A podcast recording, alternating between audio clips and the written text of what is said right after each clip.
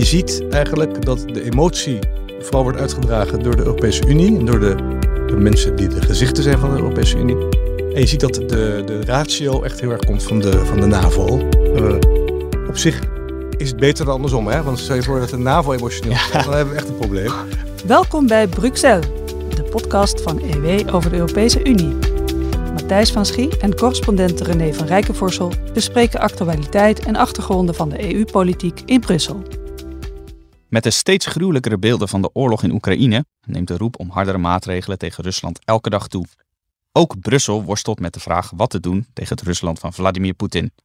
Emotie krijgt steeds vaker de overhand boven de ratio. Wat is wijsheid? René, dat uh, gaan we bespreken in deze nieuwe aflevering. Hartelijk welkom. Ja, hoi uh, Matthijs. Leuk om hier te zijn. Zeker, ja. Wijsheid kunnen we natuurlijk straks van, uh, van jou verwachten. Niet overdrijven. nou, de, de luisteraar acht jouw visie vast hoog. Maar daar, over deze zware kost gaan we het straks hebben. Laten we beginnen met uh, wat lichtere kost. Een plezierig onderwerp over de belangrijkste bijzaak uit het leven: uh, voetbal. Bericht uit de stad. Jij bent opnieuw bij jouw favoriete Brusselse voetbalclub geweest. En uh, jij hebt er ditmaal ook een mooie reportage over geschreven in het blad. wat is de status van het voetbalsprookje van Union Saint-Gilloise? Ja, dat is nogal ongewis eigenlijk op dit moment. laat ik beginnen om te zeggen dat ik het natuurlijk echt heel erg leuk vind om zo'n stuk te mogen maken over zo'n prachtig, prachtige club met prachtig stadion en een prachtig verleden. Dat is een van de leuke bijvangsten van Brussel. Alles wat ik doe in Brussel is leuk, maar dit is. Ja, bof maar. En dat is een half uur lopen van mijn, half uur gaan van mijn, uh, van mijn appartement in uh, Brussel. Ook een prachtige wandeling bovendien. En dan loop ik dan door het park en dan schreed ik door het park naar beneden. En dan zie je het stadion zo aan je voeten liggen. Dan loop je buiten op het stadion binnen. En dan kijk je weer naar een wedstrijd die over het algemeen nou, ik heb er nu een paar gezien. Redelijk uh, matig zijn, zal ik maar zeggen. Maar Union, die komt elke keer wel weer goed weg. Lopen ze een uh, beetje op hun laatste benen. Ja, ja, dat is een goede. Dat is echt een goede. Want ik was, in, was 31 januari was ik er bij de wedstrijd. Het was prachtig weer ook. En de vogeltjes die waren al de lente aan het aankondigen. En, en toen won. En het was ook de eerste wedstrijd dat er weer met, met enig publiek mocht, worden gespeeld. 70 procent. En toen won Union met 1-0 van, van Anderlecht. De grote rivaal uit, uit, uit Brussel natuurlijk. En, en toen stonden ze tien punten voor, geloof ik, op nummer twee.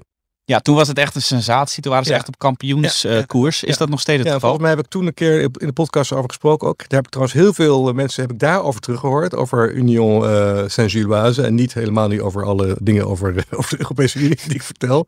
Dat ze dat ze leuk vonden. Maar uh, de, toen stonden ze tien punten voor. En nadien zijn ze toch een beetje in de versukkeling geraakt.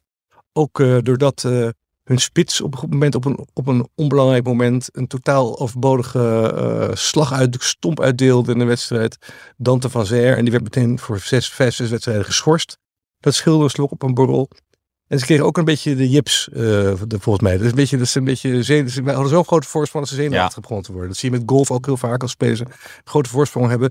Dan op de, een dag vier ingaan van de wedstrijd, dan, uh, dan, dan dat ze opeens dan nou, de Jips dan. Dan storten ze in, ja, ja, Ze komen natuurlijk van een niveau lager. Dus het is nou niet bepaald uh, dat ze heel ervaren zijn met spelen om titels. Nee, helemaal niet. Maar ze staan wel nog steeds bovenaan, hè? Nou ja, ze zijn bovenaan de competitie geëindigd. Uh, de laatste speeldag was afgelopen zondag.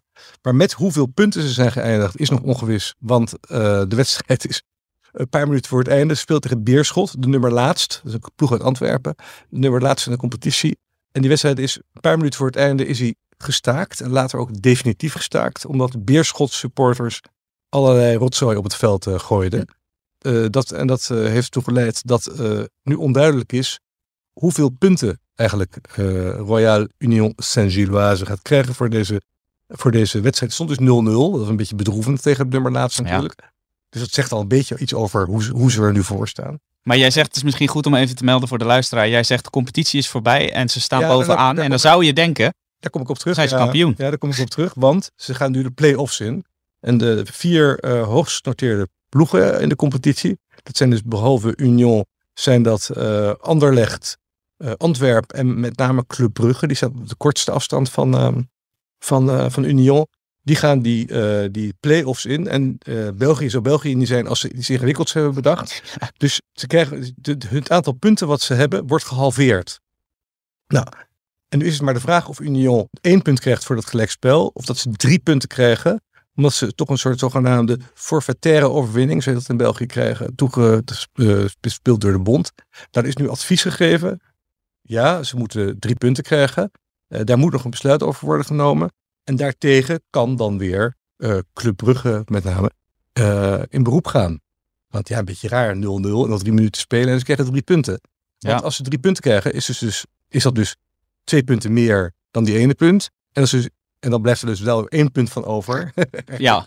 voor, voor, die, voor die nacompetitie. Elk punt kan beslissend zijn. Precies, dus ja. precies. Dus dat is, nou het is weer typisch België. Waarschijnlijk wordt pas dus tijdens, tijdens het spelen van die play-offs, die zijn al begonnen, zal pas duidelijk zijn hoeveel punten Union eigenlijk heeft. Dus het kan zomaar zijn dat de voetbalbond straks de beslissende stem heeft in uh, wie de kampioen wordt op één punt. Ik, ik hoop dat ze het niet zo ver laten komen, Nee. maar eh, nee, het is, het is weer typisch België in elk geval, maar en ook wel heel grappig.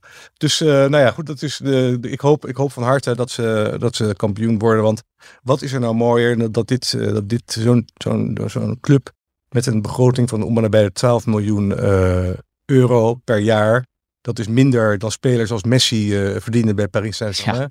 Eh, en dat die dan volgend jaar in de Champions League tegen zo'n ploeg als Paris Saint-Germain zouden komen te staan. Dat zou toch echt fantastisch zijn. zou prachtig zijn. Ja, Eh, ja. Voor, de, voor de voetballiefhebbers onder de luisteraars eh, heel spannend om te gaan volgen. Eh, lees ook de, de reportage van eh, René in eh, EW. Die eh, is eh, zowel eh, in het blad als eh, op de website te vinden. De link naar het artikel staat in de beschrijving van deze podcast. En als u nou helemaal niets heeft met voetbal, daar zijn we nu meer klaar mee. Dus we gaan eh, het nu hebben over de echte eh, Europese Ja, politiek. Ik wil toch even nog wat zeggen, Matthijs, als je het niet heel erg vindt. Want eh, dat, dat stuk is ook, gaat gedeeltelijk ook over cultuur. Staat niet voor niks in de Ah. cultuursectie. Want het is ook heel erg opgehangen aan het prachtige Art Deco-stadion waarin, waarin Union Ah, voetbalt. ja. En dat, nou, het, succes, dat stadion is heel klein en krakkemikkig. En er mag niks aan worden verbouwd, want het is een monument. Dus de club dreigt eigenlijk het stadion, het succes, door het succes dreigt de club echt het stadion te verliezen. En het eerste, want, want de eigenaar wil met meer publiek gaan spelen uiteraard.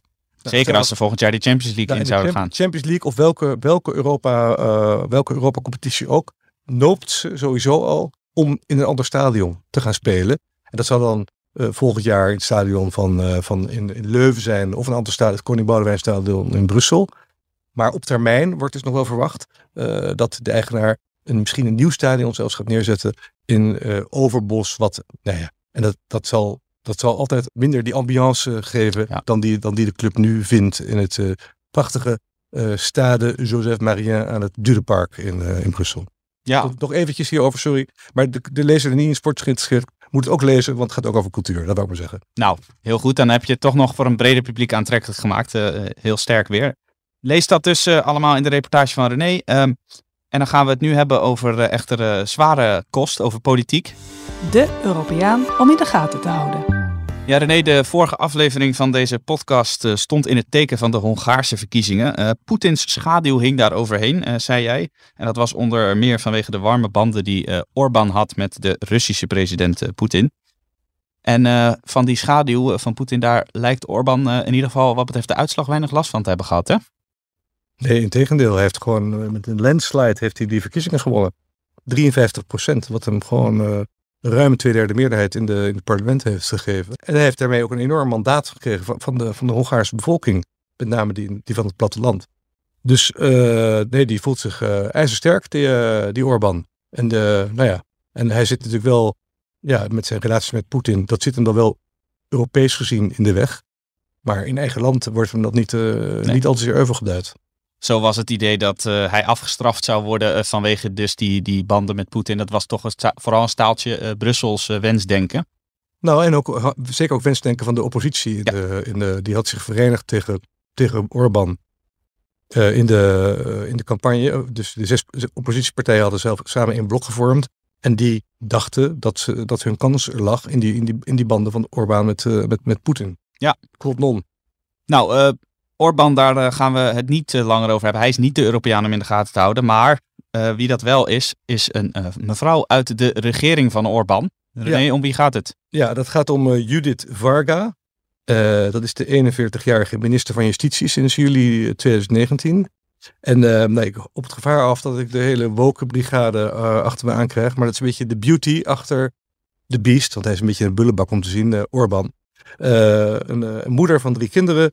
En een, eh, en een hele pittige tante die echt eh, ook wel goed uit de woorden kan komen. Ik zag haar laatst optreden bij een eh, bijeenkomst van conservatieven in Europese conservatieve partijen. Die hadden een soort symposium georganiseerd ergens in een hotel in Brussel. En daar ben ik even gaan kijken. En zag ik deze mevrouw praten en ik hoorde haar praten. En ik was even onder de indruk van haar, want die mevrouw die staat, die staat daar echt met haar, nou ja, met haar boodschap. Ze, ze is heel erg uitgesproken, heel erg eh, pro-familie, heel erg patriotistisch is ze ook. Eh, ik zag net nog een tweetje van haar voorbij komen. Van, eh, nou ja, ze heeft ook gezegd ook van de, de Hongaren hebben, hebben bewezen, bewijzen aan Europa, aan de rest van Europa, dat het mogelijk is om in je homeland, in je, in je thuisland te, te, te geloven, in je familie en in, in Christianity. In, in, in dus in de Christendom. geloof, Ja. christendom. En, ehm, en, en terwijl je ook tegelijkertijd dus heel goed een land kan leiden. Nou, daar kunnen we allemaal over reden twisten of dat waar is. Maar zij is heel erg overtuigd van, eh, van, van, haar, van haar zaak. Eh, en eh, is nu degene eigenlijk die ook een beetje in Europa, nou ja, erop uit wordt gestuurd om ja, om Hon- Hongarije- de Hongaarse politiek en Hongaarse keuzes te verdedigen. En lukt dat een beetje? Ja, dat, dat weet je. Maar kijk, von der Leyen, zoals je weet, is, maar die is deze maand een procedure gestart om Boedapest geen, eh, geen EU-subsidies meer te geven. Omdat Hongarije zich niet houdt aan het, aan het respecteren van rechten van minderheden, aan de persvrijheid en aan onaf- onafhankelijke rechtelijke macht. Dus dat eh, hangt Hongarije boven het hoofd. Hongarije heeft dat geld wel heel erg hard nodig. Eh, want zo goed gaat het daar economisch Nee. ook, ook, ook niet. Nou, er hangt ook nog een soort artikel 7 procedure hangt boven het hoofd. En dat betekent dat, dat ze dan in de Europese Raad hun stemrecht kunnen verliezen. Nou, dat is wel heftig. Ja. Dus, maar deze week moest Varga in Luxemburg ervoor pleiten nou ja, eh, om de, eh, om de, voor de Hongaarse positie. En ze heeft, eh, ja, ze heeft ook, dat doen zoveel op dit moment, ook weer Oekraïne aangegrepen als, als, als, als excuus of als reden om, om niks te doen. En om even, want dat is nu zo belangrijk. We moeten nu verenigd zijn in de Oekraïne-kwestie. Dus even geen, geen, geen subsidiekorting uit Brussel. Ja, en ze heeft ook nog, eh, sorry dat je Ja. ze heeft ook nog gesneerd naar Nederland, hè? Ja, want zij vindt Nederland heeft toeslagenaffaire natuurlijk. En eh daarvan zegt ze, ja, Nederland komt dan wel weg met toeslagenaffaire. En wij worden gestraft omdat we geen transgender plaatje in schoolboeken Ja. willen. Nou ja, ik overchargeer een beetje, maar eh, nou ja, ze heeft ook weer een punt natuurlijk. En zo hebben die Hongaren- standaard. Die Hongaren studies voelen zich eigenlijk gewoon enorm gesterkt. En die zullen echt niet gaan dimmen de komende tijd in de, in, in de Europese Unie. En zij is daar echt wel, zij is echt wel de, de voorvrouw van, eh, van Hongarije. En het zou mij niet verbazen als deze strijdbare vrouw ooit eh, de opvolger wordt van, eh, van Viktor Orbán. Nou, dan dicht jij haar een grote toekomst toe. Voorlopig hoeven ze daar bij de Fidesz-partij nog niet over na te denken wie Orbán gaat opvolgen, want hij zit pas net weer stevig in het zadel. Maar interessante vrouw om in de gaten te houden eh, op allerlei eh, terreinen. Dus goede tip om eh, te gaan volgen. En dan gaan we nu naar het hoofdonderwerp, eh, de oorlog in Oekraïne. Bruxelles, de hoofdmoot. Ik zei het al even in de intro, de gruwelijkheden die lijken wel met de dag eh, erger te worden. Eh, we zien eh, beelden van eh, geslachte burgers eh, in de straten van Oekraïnse steden en dorpen. en het is heel moeilijk om daar rustig naar te blijven kijken. Maar laten we toch een, eh, een poging doen om te beginnen vanuit het Brusselse perspectief. Hoe, hoe gaan ze in Brussel nou om met deze beelden, deze oorlog? Ehm, hoe gaan ze daarmee om? Ja, de Brussel heeft eh, twee instituties, herbergt twee instituties die eh, direct met deze, met deze oorlog eh, van doen hebben. Dat zijn de Europese Unie en de NAVO. Nou, en ik, je ziet eigenlijk dat de emotie vooral wordt uitgedragen door de Europese Unie en door de, de mensen die de gezichten zijn van de Europese Unie. En je ziet dat de, de ratio echt heel erg komt van de, van de NAVO. Op zich is het beter dan andersom, hè? Want stel je voor dat de NAVO emotioneel is, dan hebben we echt een probleem. Dus, eh, maar je ziet dus dat, dat, dat de reacties dus eh nou ja, navenant zijn. Eh, het gezicht van, ehm, van de Europese Unie in deze is... Nou, laat ik beginnen met het Europees Parlement. Dat is, dat is toch het gezicht van het, van het Europese volk. En die hebben een mooie, die hebben wel een symboolfunctie. Die hebben al heel snel in de, in de oorlog hebben ze Zelensky het eh, Europees Parlement eh, laten toespreken, op afstand uiteraard. Eh, die kreeg toen een staande ovatie. Er hing een Oekraïnse vlag. En dat vond ik wel mooi, want dat, dat parlement is ook een beetje de vertegenwoordiger van het volk uiteraard. En die draagt ook de verontwaardiging van het Europees, van de Europese Unievolk ook uit. Dat, Ja. dat is hun taak. Het zijn de enige Europese Ja. ambtsdragers die gekozen zijn ook. Ja, en ze kunnen verder niks beslissen. En dat is misschien wel goed ook. Maar dat, maar, dus dat, maar dat symbolische van het Europese parlement, dat gezicht, dat, dat is mooi. En daar, zou je de, daar mag je de emotie ook wel een beetje laten, laten Ja. vieren, zal ik maar zeggen, in het, eh, in het parlement. Eh, maar dan hebben we nog een aantal gezichten. Eh, overigens is de voorzitter, laten we daarmee beginnen, de voorzitter van het Europese parlement, Roberta Metsola, die ook al een paar keer hier te sprake is gekomen, de Maltese van de, van de EVP, die eh, ging, eh, denk een week of, nou, ik weet niet meer precies, maar ging enige tijd geleden, denk een week of drie geleden, ging zij opeens spontaan naar, nou ja, namens de Europese burger, naar eh, Kiev. Nou, ik vond het ook heel mooi dat zij dat, zij dat deed. Hè. Dat, zij is toch mijn, mijn eh, ja, het, bij het gezicht van de burger, Ja. nogmaals, dat, dat, eh, dat, het is toch eventjes daar Zelensky een hart onder de riem komt steken. Maar wat gebeurt er dan? Dat ziet dan mevrouw von der Leyen, Ursula von der Leyen, de commissievoorzitter, die ziet dat gebeuren. En die boekt dan zeg maar bij wijze van spreken het volgende vliegtuig naar, eh, naar Kiev. Ja, die moet dan ook gaan. Die vindt zichzelf nog wel wat belangrijker dan Die- Metzola. Zelf heel belangrijk. Maar laten we niet vergeten, zij is onverkozen. Ze is een benoemde, eh, een benoemde functionaris. Eigenlijk is ze gewoon de hoogste ambtenaar van, van Europa. En, en eigenlijk is het gewoon raar dat zij er naartoe gaat als ambtenaar. Ja, vorige week nog hè? Ja, en het is helemaal raar dat zij als ambtenaar daar ook nog eens een keer een versnelde toetredingsprocedure aan de Oekraïners belooft. Eh, terwijl ze al heel goed weet dat alles wat zij zegt over Oekraïne ook meteen verkeerd wordt uitgelegd. Dat zagen we ook de eerste keer. Poetin had toen net gezegd dat de, de, de kern, de kernkoppen moesten worden geact- geactiveerd, zal ik maar zeggen, in, eh, in Rusland. Eh, dat was geloof ik 28 februari. En twee uur later zei zij dat Oekraïne bij de Europese Unie mocht, wat haar betreft. Op, op termijn, zei ze wel Ja. bij. Maar ja, als je politicus bent, maar zij was politicus ooit, ze is nu ambtenaar. eh zoals minister van Defensie. En dat heeft helemaal laten verslonzen, die Duitse Defensie overigens. Maar goed, dat, eh, als, als, als politicus moet je weten hoe je woorden toch altijd worden verdraaid. Dus op termijn wordt het dan uitgehaald. Dus dat staat overal in de kranten. Van der Leyen, dubbele punt, Oekraïne mag lid worden van de Europese Unie. Ja, ze kreeg daar veel kritiek op. Ja, Maar afgelopen week, vorige week, deed ze het nog een keer dunnetjes over hè? Precies, dat is nog eens een keer dunnetjes over. En van mij, ik vind het, ik vind het, ik vind het op zich, kan ik me voorstellen dat Oekraïne op termijn eh, ook wel lid kan worden van de Europese Unie. Maar zij moet dat niet zeggen. Ja, jij hebt ook nog een eh, expert gesproken eh, over deze kwestie. Het al dan niet toetreden van Oekraïne tot de Europese Unie. Wie heb je gesproken? wie heb je gesproken? Ja, ik belde even met, we laten we even horen met professor Dr. Sven Biskop.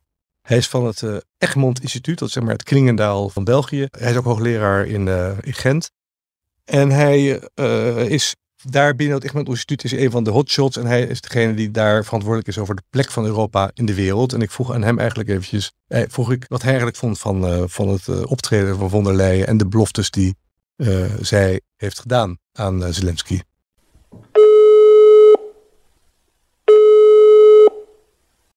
Ik zag dat u vrij scherp oordeelde, geloof ik, in de morgen over het optreden van von der Leyen.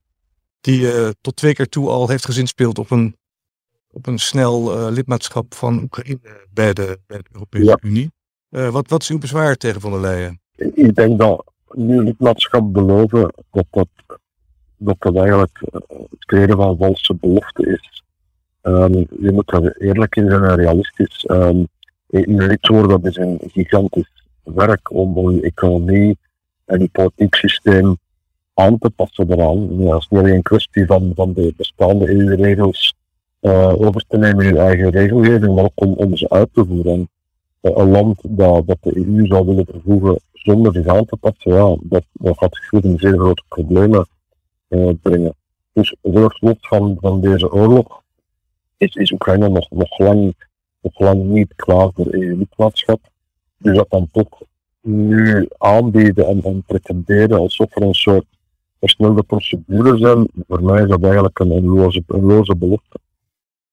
En mevrouw von der Leyen heeft volgens mij het mandaat ook helemaal niet om dit te doen. Er bestaat eigenlijk geen versnelde procedure, dat, dat is gewoon mogelijk.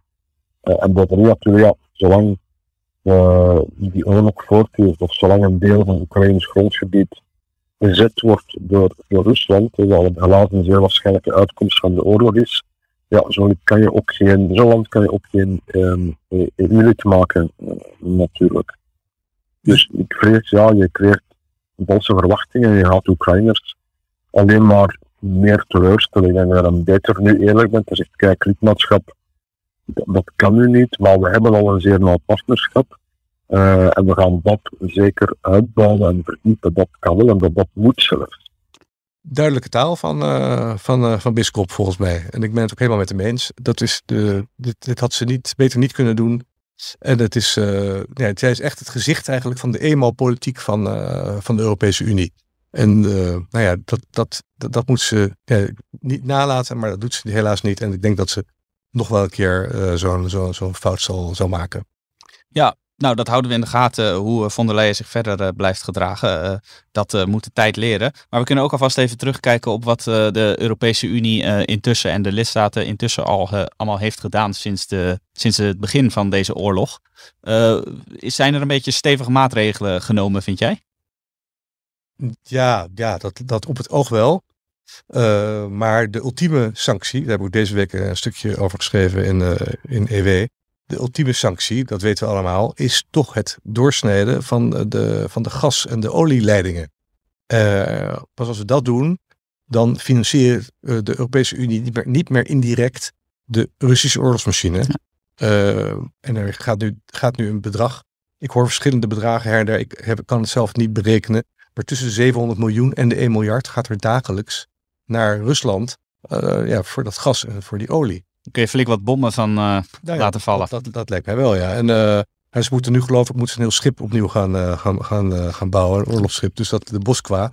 Dus dat, dat kost misschien nog wel meer. Maar in elk geval, er, er is er natuurlijk iets heel raars aan de hand. Dat we aan de ene kant zeggen van we sturen wapens. en, en, we, en we hopen, de Oekraïne, we hopen dat de Oekraïne zich daarmee verdedigt. Maar aan de andere kant financieren we ook de Russische wapens.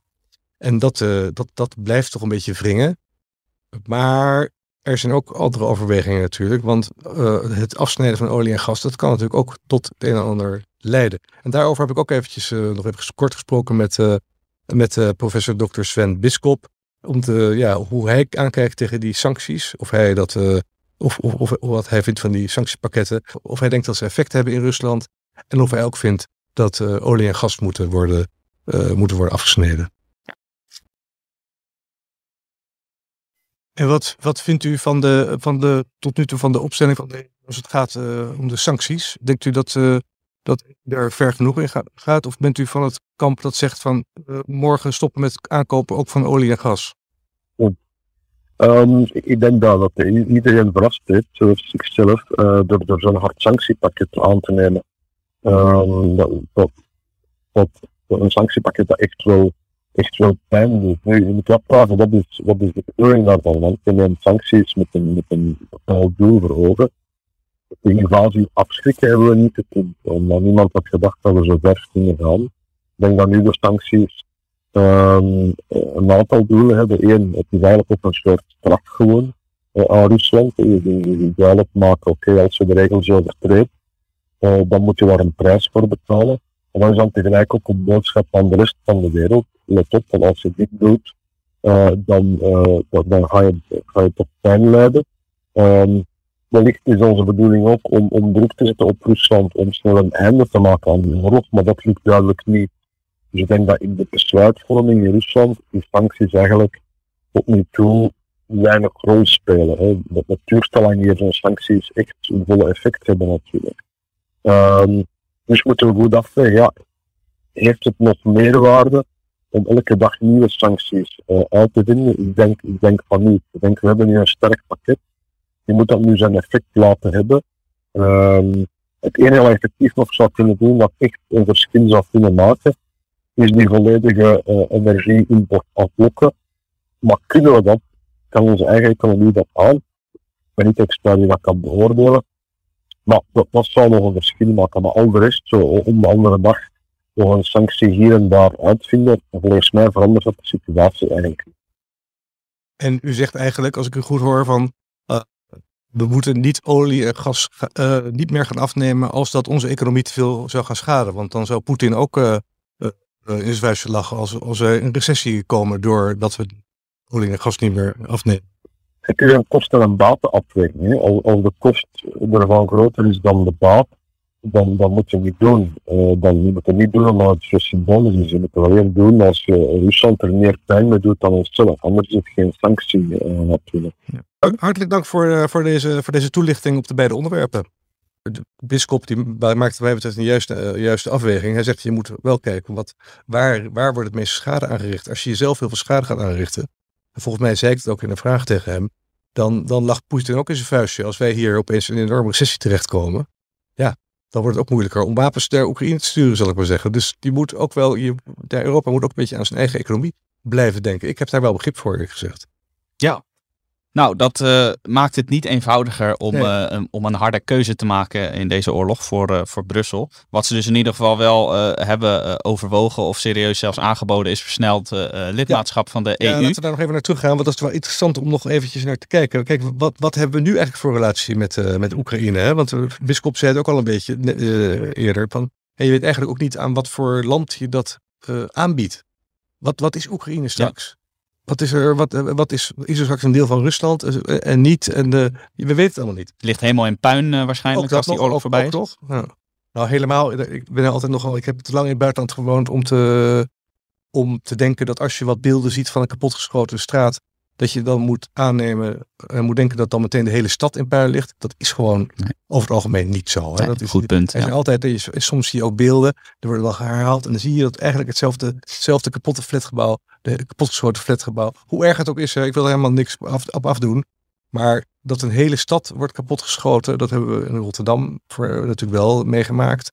Uh, in Nederland, dat, het gebeurt ook wel. Ik denk dat een deel, groot deel van Aleppo bijvoorbeeld ook wel kapotgeschoten is. Maar ook daar staan ook wel altijd wel delen overeind. Maar goed, het durft een beetje te, ter, dat terzijde. te relativeren. Ja. Maar, uh, maar na, natuurlijk is er enorme wederopbouw nodig in, uh, in ja. Dat lijkt me, lijkt me evident. En dan heb je ook nog uh, ja, de staat van, van de Oekraïense politiek, om maar eens ja. wat te noemen. Ja, die, de, de, ik geloof dat de waardering van, van Zelensky voor de, voor de Russische inval, geloof ik, zo'n 15% was of zo. Weet je? Ja. Dat, dat, dat van het volk dat tevreden was over wat, wat hij deed. De corruptie in, in Oekraïne was, was legendarisch. De economie ging slecht. Dus het, was, het land was nog verre van, van, verre van de voorwaarden die allemaal in de Kopenhagen-criteria zijn opgenomen. Wat voor criteria zijn dat? Uh... Ja, ja, heel kort dat eventjes. Stabiele instellingen, dat is een belangrijke. Die, en de, die moeten wel de democratie en de rechtsstaat en de mensenrechten en de respect voor minderheden waarborgen. Dat is eigenlijk wat, wat je nu in Hongarije ook ziet. Hè. Dat is dus de, dat Hongarije, dus die, die Hongarije voldoet dus volgens de Europese Unie niet aan die, aan die, aan die eerste van die Kopenhagen-criteria, al zit ze dus wel bij de Europese ja. Unie. Je moet een goed draaiende markteconomie hebben en opgewassen zijn tegen uh, concurrentie uit, uit andere EU-landen. Um, je moet uh, de verplichtingen van het lidmaatschap uiteraard op je nemen. Uh, de, de, wet en regelgeving van Europa moet je overnemen, van, van Brussel moet je overnemen. En je moet de doelstellingen van de EU steunen dat moet allemaal nog gaan gebeuren, dit allemaal in Oekraïne. Dit is nog helemaal niet. Nee. En nog enkel van, de, van deze criteria is daar al, is daar al van toepassing. Dus ja, en dan heb je nog wel, je hebt wel mensen, en dat, dat kan ik me wel voorstellen, die zeggen, ja, je moet niet al te kritisch zijn, want uh, zo'n land, uh, kijk maar naar wat er met Roemenië, met Bulgarije en eerder met Spanje en Portugal is gebeurd. Dat waren landen die ook van een dictatuur kwamen, of van het, van, van het communisme kwamen. En die uh, ook niet helemaal voldeden aan al die criteria, maar die zijn zo werkende weg om met Lubbers te spreken, zijn die, zijn die toch wel aan die criteria gaan voldoen. Je hebt natuurlijk tegenwoordig ook nog het, het conditionaliteitsmechanisme, dat is een moeilijk woord, voor dat, dat er toch voorwaarden worden, worden, worden gehangen aan het geven van subsidies. Dus mocht een land niet aan bepaalde, bepaalde regels voldoen van de Europese Unie, dan kun je zeggen, wat nu dus echt met Hongarije gebeurt, dat dit conditionaliteitsmechanisme, ook wel rechtsstaatsmechanisme, dat het, dat het land dan wordt gekort op de, op de, op de, op de uitkeringen uit, uh, uit Brussel. Je kunt Oekraïne ook iets sneller het voordeel van de twijfel geven straks, maar dan moet je wel weten wat, aan welk land je dat, dat geeft.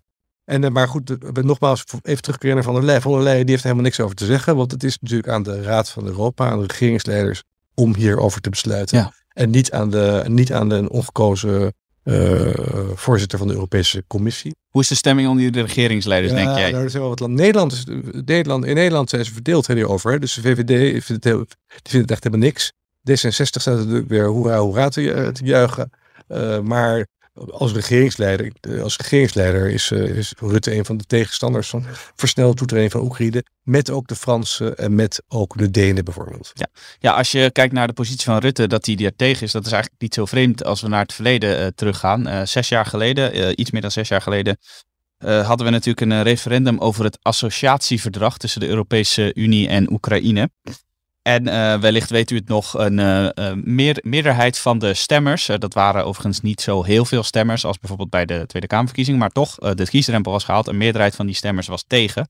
Wat waren destijds de, de argumenten om tegen te stemmen? Om tegen de, tegen de toetreding van Oekraïne, ja. tegen, tegen het associatieverdrag. Dus, nou, zo'n associatieverdrag, dat gaat ook best ver. Daar zitten gewoon allemaal elementen in die zo'n land eigenlijk heel erg veel uh, voordelen geven. Een vrij verkeer van, en het geval van Oekraïne met vrij verkeer van, van personen bijvoorbeeld. Ja, maar dat was toen eigenlijk een opzetje van, geloof ik, geen stijl en, en Thierry Baudet. Dat ja. hele, dat hele, geen pijl, ja. Geen pijl heette dat toen. Um, en ja, achteraf in hindsight denk je, als je nu naar de geschiedenis kijkt, is het opeens weer belangrijk geworden. Of, of Precies. heeft het weer waarde gekregen eigenlijk. Ja, want, want zij waarschuwden toen al die mensen van geen pijl en uh, Baudet inderdaad. Let nou op, dit uh, associatieverdrag is een opmaat naar EU-lidmaatschap. Ja. Toen zei uh, Rutte onder andere en andere leden van het kabinet, nee, geen sprake van. Oekraïne wordt echt geen EU-lid. Ja. Maar nu zie je dus dat onder druk wordt alles vloeibaar. Ja, en, en waarin dat tegenstanders waren toen kritisch over de politieke en economische situatie in, in, in Oekraïne. En er was toen ook al angst dat zo'n verdrag zou kunnen leiden tot een slechtere relatie tussen de EU en Rusland. Dat is, ja. Dus ook Rusland speelde toen wel een rol. Nou, 62% van de stemmers, uh, maar de opkomst was geloof ik 35% ja. of zo, was, uh, was tegen het associatieverdrag. Maar Rutte is toen nog wel naar, in Brussel, heeft hij nog wel gelobbyd voor een, voor een verklaring, een aanvullende verklaring. Een inlegvelletje werd precies, genoemd. Precies, om aan de Nederlandse bezwaren tegemoet te komen. En het is toen een soort, als reactie is er toen wel, een, op die lobby van Nederland is er toen wel iets aangenomen, een, een soort, uh, een soort verklaring een bindende verklaring zelfs waarin werd gezet dat dat associatieverdrag niet automatisch zou leiden tot uh, EU-lidmaatschap. Dus dat is wel, dat is wel een soort annex uh, hierbij bij het associatieverdrag ja. geworden. Maar goed, je hebt ook nog twee andere landen die ook nog op de, de, de weer nog. Je hebt nog ook Georgië en Moldavië, waarbij ook een soort associatieakkoord is. Maar dan heb je ook nog die landen, de Balkanlanden, die al een akkoord, die al, zeg maar, al verder in de routing zitten. Dus eigenlijk als je, als je uh, nu opneemt, zijn al die andere landen zeggen, ja, wij, waarom, waarom wij dan nog niet? Dan moeten wij ook. Dus je haalt eigenlijk niet alleen maar Oekraïne binnen, maar je haalt in één keer, in één klap, haal je iets van uh, negen of tien landen binnen. Daarmee daar heb ik ook dat SC laatst over geschreven. Dan krijg je een groot Europarlement en dan krijg je dat zal toch weer een enorm, wordt het circus wordt nog, nog groter. Ja. Dus, uh, nou ja. dus je moet je afvragen of je dat wilt. Precies, nou of, we dat willen of niet, uh, daarvoor kunt u dus onder andere dat essay lezen waar uh, René al naar verwees zojuist. Het essay op onze website en ook in het blad verschenen. Dat kunt u ook weer vinden in de beschrijving van deze podcast. Nou, dat was dus Oekraïne. We gaan zien of ze EU-lid gaan worden de komende tijd. dat zal vast nog even duren, maar zoals von der Leyen al heeft bewezen, het kan snel veranderen allemaal. We houden het in de gaten. Uh, René, dan uh, tot slot uh, toch nog een, een, vrolijk einde, want we gaan weer prijzen uitreiken. En dat is natuurlijk altijd leuk. De quizvraag. Nou, voor we die prijzen gaan uitreiken, eerst nog even de quizvraag van de vorige aflevering. ik zal hem eventjes voorlezen en dan kan René straks met het juiste antwoord komen. naar welke stad is het Europees Verdrag uit 1997 vernoemd, waarin werd besloten tot een gemeenschappelijk buitenland- en veiligheidsbeleid en tot een hoge autoriteit op dat gebied? Nou, er zijn ontzettend veel inzendingen gekomen. Uh, met ook veel verschillende antwoorden. Er zaten dus ook een hoop uh, antwoorden tussen die het niet waren. Bijvoorbeeld uh, Dublin en Lissabon. Daar zijn wel verdragen gesloten, maar niet het verdrag waar wij naar op zoek waren. Want René, waar waren wij naar op zoek? Naar onze eigen hoofdstad. Waar wij nu zelf deze podcast ook opnemen. dus in Amsterdam. Amsterdam, inderdaad. Nou, zoals gezegd, veel inzenders en ehm, ook een aantal juiste antwoorden. Uh, maar de uh, winnaar van deze week is Thijs van Woudenberg. Van harte gefeliciteerd. Speciale editie uh, Europese Unie komt uw kant op. En Thijs van Woudenberg heeft het goed gedaan door zijn voor- en achternaam mee te sturen. En ik wilde dat toch even gezegd hebben dat dat toch wel een voorwaarde is om kans te maken. U moet uw voor- en achternaam meesturen. Dat kan naar bruxelles.ewmagazine.nl voor het juiste antwoord. En uh, dan maakt u dus kans op die speciale editie. De volgende keer uh, willen we er graag uh, meerdere gaan uitreiken. Want er zijn zoveel inzendingen dat we ook best een keer drie speciale edities kunnen uitdelen. Maar mail dan dus wel met uw voor- en achternaam. En dan gaan we nu naar de quizvraag van deze week. En hij past goed bij het thema van deze uitzending. René, wat is de nieuwe quizvraag? Ja, allereerst gefeliciteerd Thijs. En dan inderdaad de, de, de quizvraag van deze aflevering. Noem drie EU-hoofdsteden die verder van Brussel liggen dan Kiev. Oh, dat is best een lastige, denk ik. En ik denk dat we daar niet de, de, niet de centimeters bij moeten gaan halen, of de, of de, de passer bij moeten gaan halen, maar wel de weg. Over de weg moet het wel uh, gemeten zijn. Nou, veel succes uh, aan de luisteraar. Laten we, en laten we het dan in uh, kilometers doen, dat is makkelijk. Dus ja. het aantal kilometers over de weg van Brussel. Welke drie EU-hoofdsteden liggen verder dan Kiev als je kijkt naar de kilometers die over de weg moeten worden afgelegd? Nou, pak de atlas erbij, pak uh, Google Maps erbij, uh, wat dan ook, uh, om drie hoofdsteden te vinden. Het zijn dus allemaal EU-lidstaten, hè? Het zijn allemaal EU-lidstaten. Ja, oké. Okay. Nou, antwoorden op deze vraag kunnen dus naar bruxelles.ewmagazine.nl. nogmaals het verzoek om daar uw voor- en achternaam bij te vermelden, alvast dank. En uiteraard kunt u naar dat e-mailadres ook mailen met vragen aan ons, aan René met name natuurlijk, de expert. Uh, andere opmerkingen en, en suggesties tips. zijn ook welkom. Als een keer als een lezer of een luisteraar een bepaald onderwerp uh, wil, wil, hebben, wil hebben in de uitzending, uh, dat kan altijd. Ja, zeker. Uw wil is wet, althans. René gaat natuurlijk over zijn eigen woorden, maar als u graag een thema behandeld wilt zien, laat het ons weten. Uh, dat stellen we dus zeer op prijs. En we stellen ook zeer op prijs als u uh, zo vriendelijk wilt zijn om in de podcast-app waar u luistert uh, onze podcast goed te beoordelen. Als u dat waard vindt natuurlijk, maar dan het liefst vijf sterren, zodat wij zo hoog mogelijk in de lijsten komen. Dat is natuurlijk voor ons weer een extra motivatie om door te gaan. Maar we zien de luistercijfers in ieder geval elke aflevering flink toenemen. Dus ja, dat gaat de goede kant op. Dus ga zo door met luisteren en raad hem ook aan aan uw vrienden, kennissen die ook geïnteresseerd zijn in de Europese politiek. René, volgens mij zijn we weer uh, aan het einde gekomen van de podcast voor vandaag. De oorlog in Oekraïne gaat natuurlijk uh, uh, door. Laten we hopen niet lang meer, maar dat zou zo nog maar een hele tijd kunnen duren. ga jij volledig daarop richten of zijn er nog andere onderwerpen die jouw interesse hebben voor EW? De komende week ga ik stukken maken over Europese defensie. Dat heeft, er wel een beetje mee te maken naar aanleiding van het strategische kompas. Wat eind maart is, is geaccordeerd en wat, wat gaat er verder mee gebeuren. Ik werk ook aan een groot profiel over de vrouw uh, die vandaag een beetje in het middelpunt stond. Niet Judith Varga, maar wel Ursula von der, van der Leyen.